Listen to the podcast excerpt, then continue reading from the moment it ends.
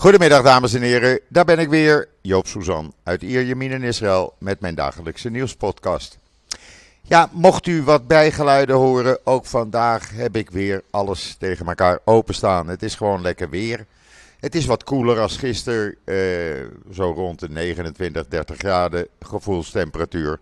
Maar dat is alleen maar vandaag het dipje, want eh, het weekend belooft royaal boven de 30 graden te worden met volop zon. Dus dat betekent eh, lekker naar het strand voor een vroege ochtendwandeling op zaterdag met de hond. Dat is toch wel het heerlijkste wat er dan is. En eh, ja, eh, het weer wordt alleen maar warmer en warmer. Dus heb je behoefte aan de zon? Nou, ik zou zeggen, geen koffers meenemen, gewoon een rugzakje. Heb je ook geen problemen op Schiphol. En lekker even een weekje naar Israël in de zon komen genieten.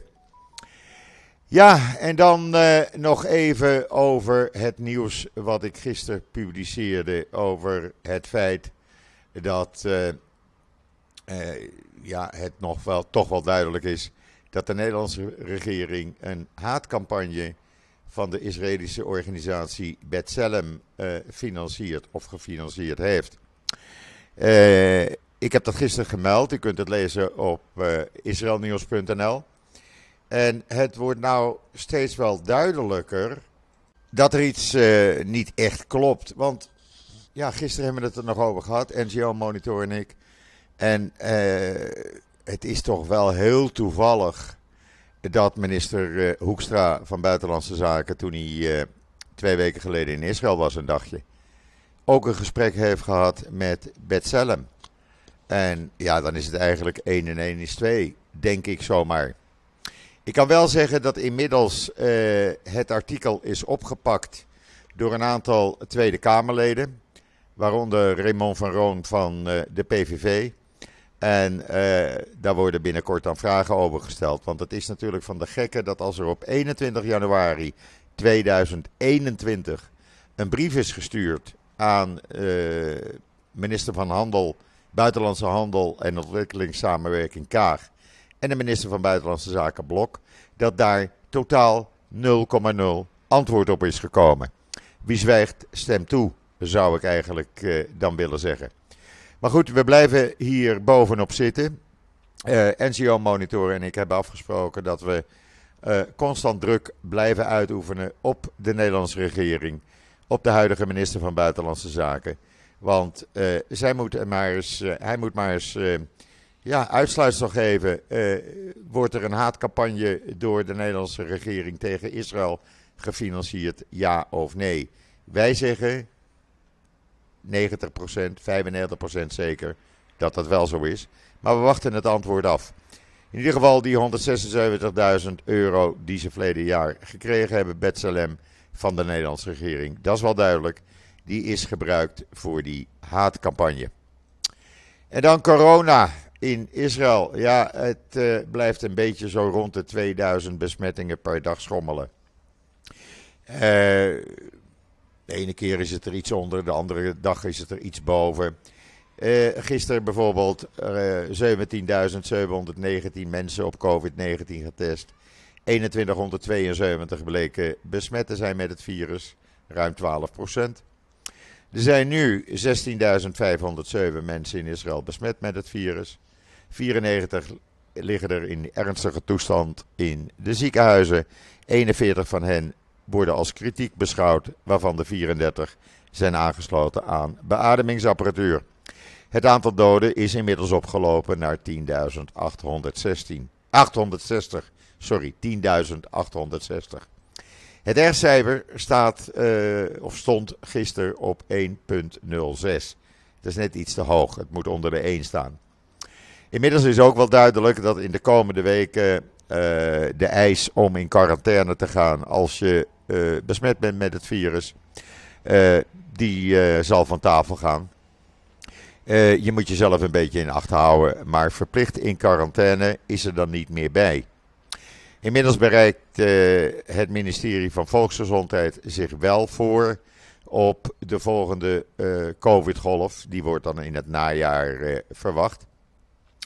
Uh, maar het wordt niet meer beschouwd als iets waar je lockdowns en dergelijke voor moet gaan instellen.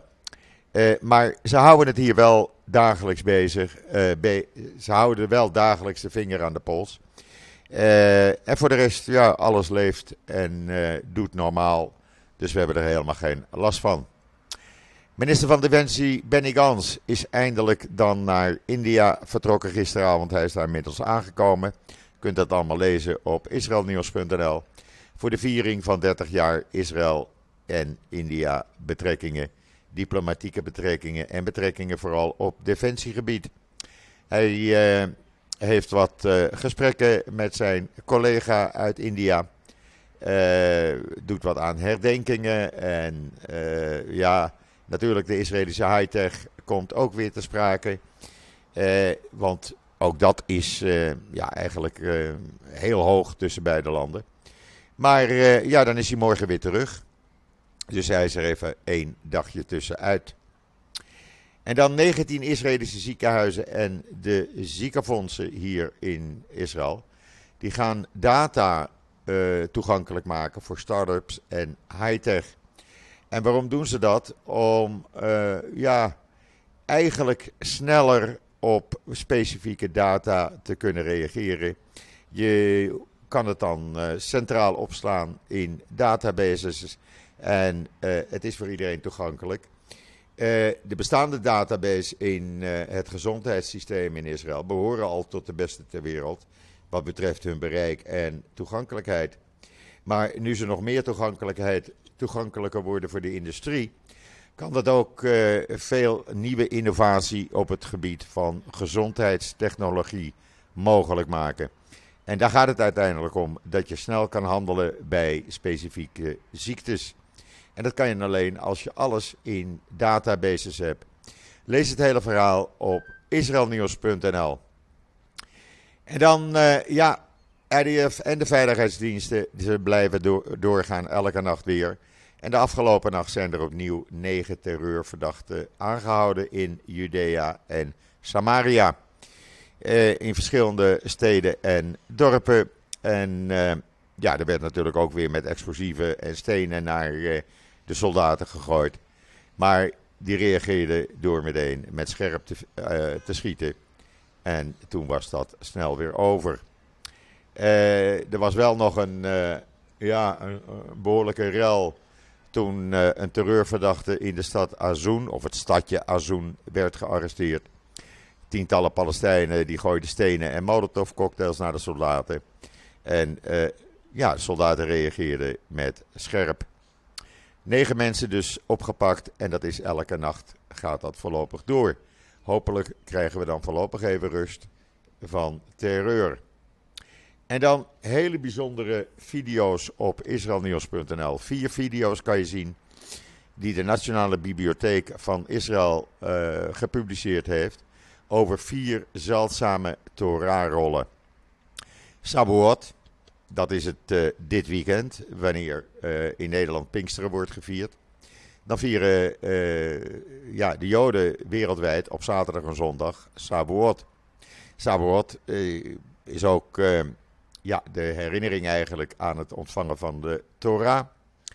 En de, Torah, de vier Torahs die zij hebben, die kan je dus ook nu in die video's zien op israelnieuws.nl. Dat is de Jemenitische Torah, duizend jaar oud, dat zijn fragmenten. Heel bijzonder.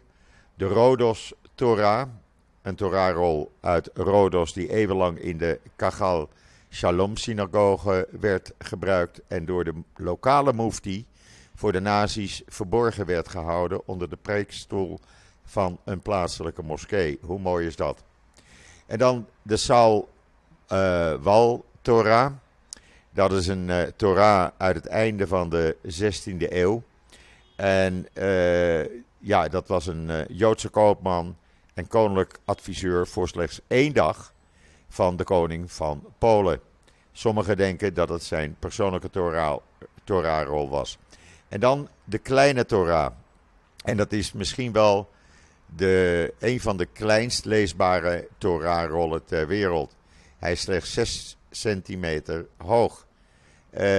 hoe bijzonder is dat? Bekijk die video's, het zijn echt uit, uitmuntende video's. Ik heb er al tenminste van genoten. En ja, ik hoop dat jullie dat ook gaan doen, want zo vaak krijg je dat niet te zien. En het is alleen maar vanwege Sauberwort dit weekend naar buiten gekomen. En dan, ja, het zal Israël niet zijn, maar het Israëlische foodtechbedrijf Savor Eat, die dus uh, zelf hamburgers en andere vleeswaren maakt, die heeft nu een, een robot gelanceerd die de hamburgers op bestelling maakt. Je vertelt de robot via een app die je moet downloaden hoe je je hamburger wil hebben. En ja, de robot gaat hem maken. En als je niet gelooft, er zit een videootje in het artikel uh, in israelnieuws.nl. En dat is, uh, ja, het is hartstikke mooi natuurlijk. Je praat het in, in je smartphone. Je zendt het via die app naar de robotchef. En de robotchef gaat aan het werk. En je hamburger op het moment dat je in het restaurant binnenkomt, staat klaar, is gereed voor je. Ja, en dan een opinieartikel vanmorgen van een voormalige IDF-generaal Giora Eiland. Niet zomaar eentje, echt een hele uh, ja, beroemde, bekende generaal.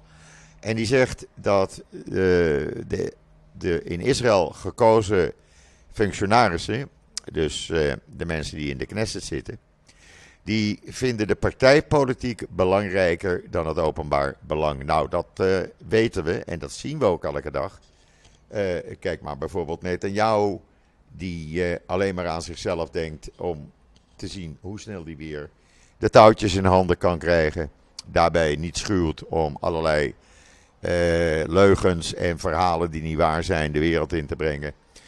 Uh, maar zo zijn er meer. We hadden mevrouw Regev die zegt, uh, verleden week zei ze dat, alles is belangrijker, uh, alles is minder belangrijk dan het wegkrijgen van deze regering. En of het nou gaat om invalide, holocaust-slachtoffers, verkrachte vrouwen, mishandelde vrouwen, allemaal niet belangrijk. Ja, en hij schrijft er dus een heel opinieartikel op in de Engelstalige Wynet.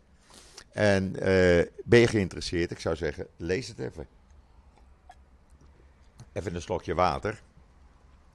En dan hebben we gisteravond natuurlijk een, uh, uh, ja, een heel toestand weer in de Knesset meegemaakt. Vechten, het ontbrak er niet aan. Ze vlogen elkaar weer in de haren. En waar ging dat om? Dat ging om een wetsvoorstel om de Palestijnse vlag bij overheidsgebouwen te verbieden. En dat zijn dan ook scholen, universiteiten. We hebben natuurlijk op Nakba Day een aantal Palestijnse studenten gehad op verschillende universiteiten in Tel Aviv, Beersheba, Jeruzalem. Die vrolijk met de Palestijnse vlag uh, stonden te zwaaien. Ik vind dat het niet kan. Je gaat niet met de vlag uh, zwaaien uh, van ja, een land. Het is nog niet eens een officieel erkend land.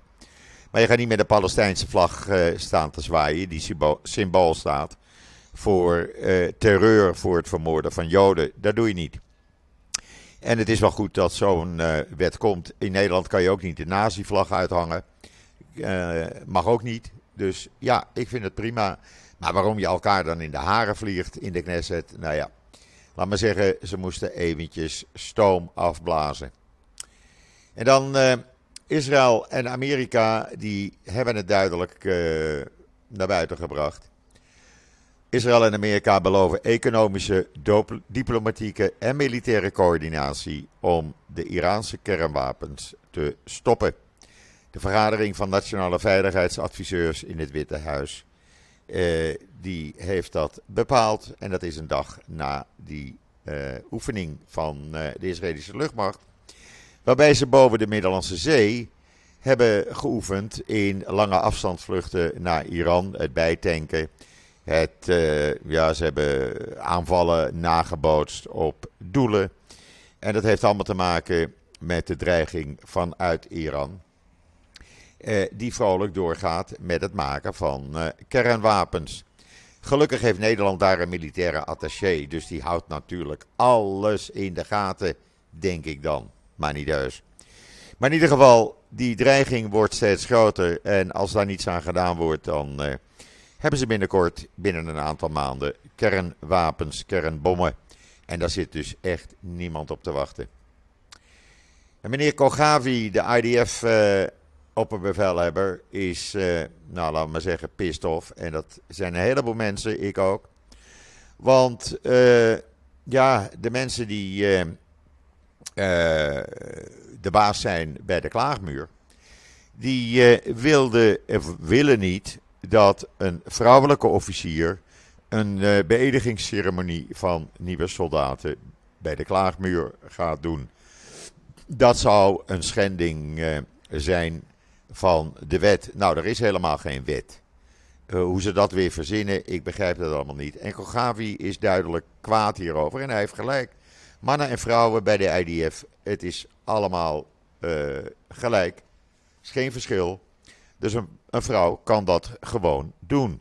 Maar de Western Wall Heritage Foundation, dat is het overheidsorgaan wat verantwoordelijk is voor het beheer van uh, de uh, klaagmuur.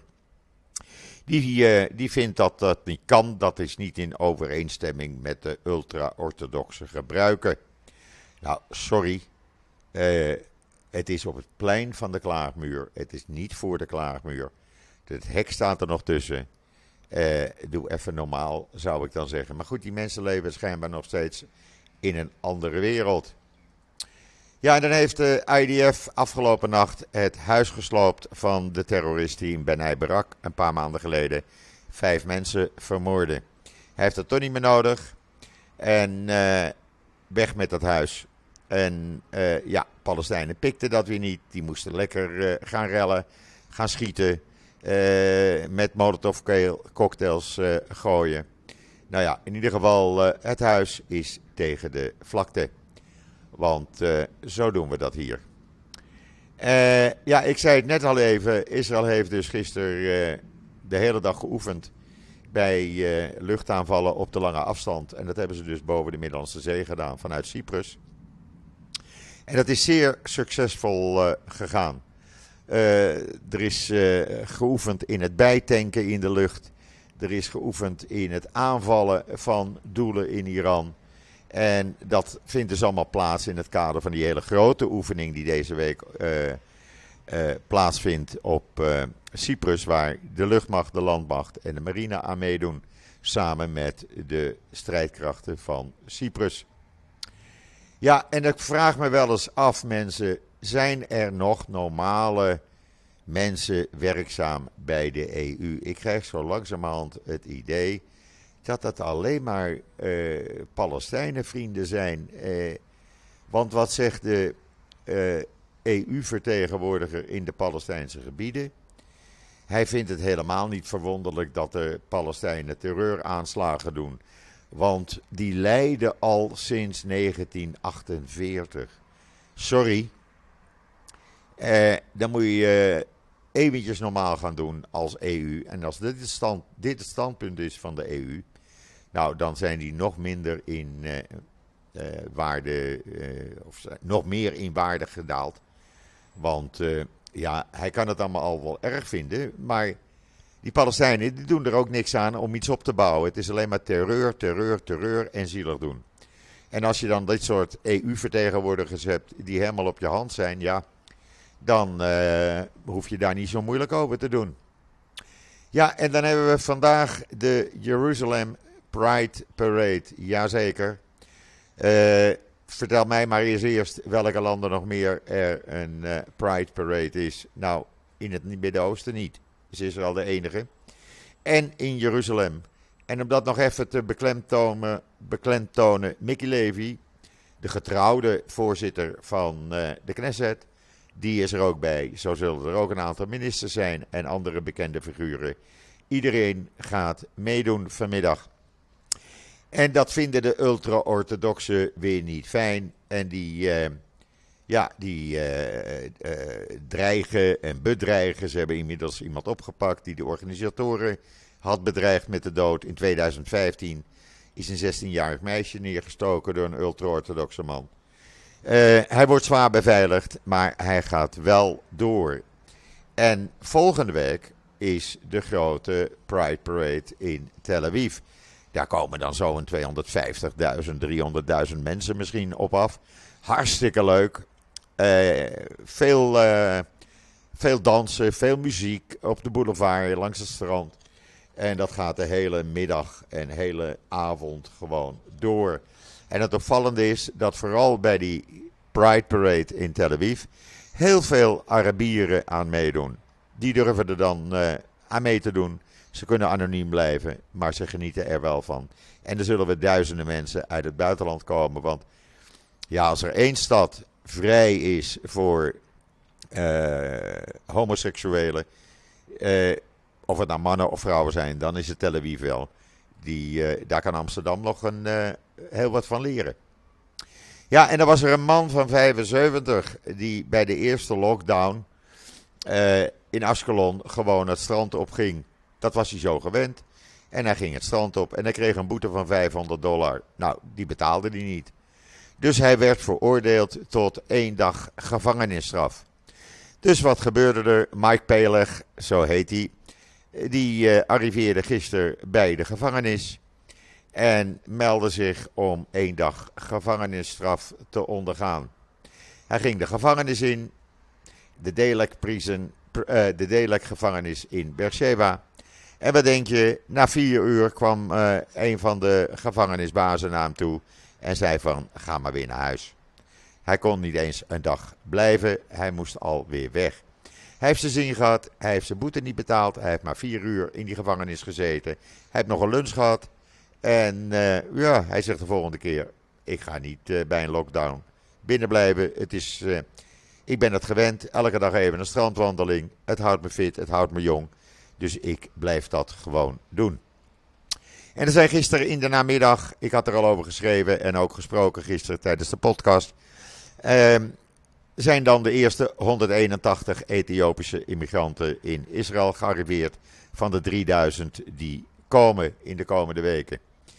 Uh, het zijn immigranten die al familie in Israël hebben. Ze worden meteen opgevangen en uh, ja, kunnen hun leven hier beginnen.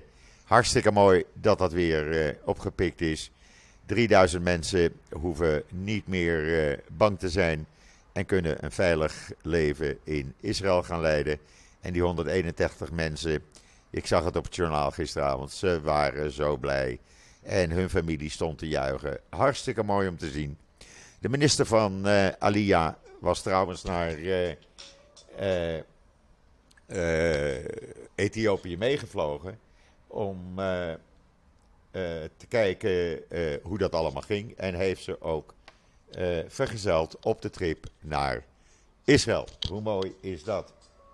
En even de telefoon afzetten, want dat kan niet. Wacht even, dat gaat even fout. Uh, in ieder geval, ja, het is een mooi begin van een nieuw leven. En dan is er iets mysterieus aan de hand. En Uri Geller zegt, het, zijn, het is buitenaards leven. Wat is er gebeurd? Je kan het lezen in de Jeruzalem Post. In 1977 heeft de NASA de Voyager 1 de ruimte ingestuurd. Nou, we zijn nu 45 jaar verder. En hij, uh, ja, hij is al heel ver. Want dat ding is inmiddels in de interstellaire ruimte. Maar wat gebeurt er? Opeens gaat hij na 45 jaar weer berichten uitzenden. En ja, dat is een mysterie. En Uri Geller, u kent hem wel, die zegt: Nee hoor, helemaal geen uh, mysterie. Het is buitenaards leven die op deze manier contact met jullie willen opnemen. Nou, dat weten we dan ook weer. En uh, ja, hiermee uh, ben ik ook aan het eind van mijn podcast gekomen. ik wens iedereen alvast een hele fijne voortzetting van deze donderdag de 2 juni. Alvast een heel mooi weekend en Shabbat Shalom vanuit Israël. Ik ben de zondag weer en zeg zoals altijd: tot ziens, tot zondag.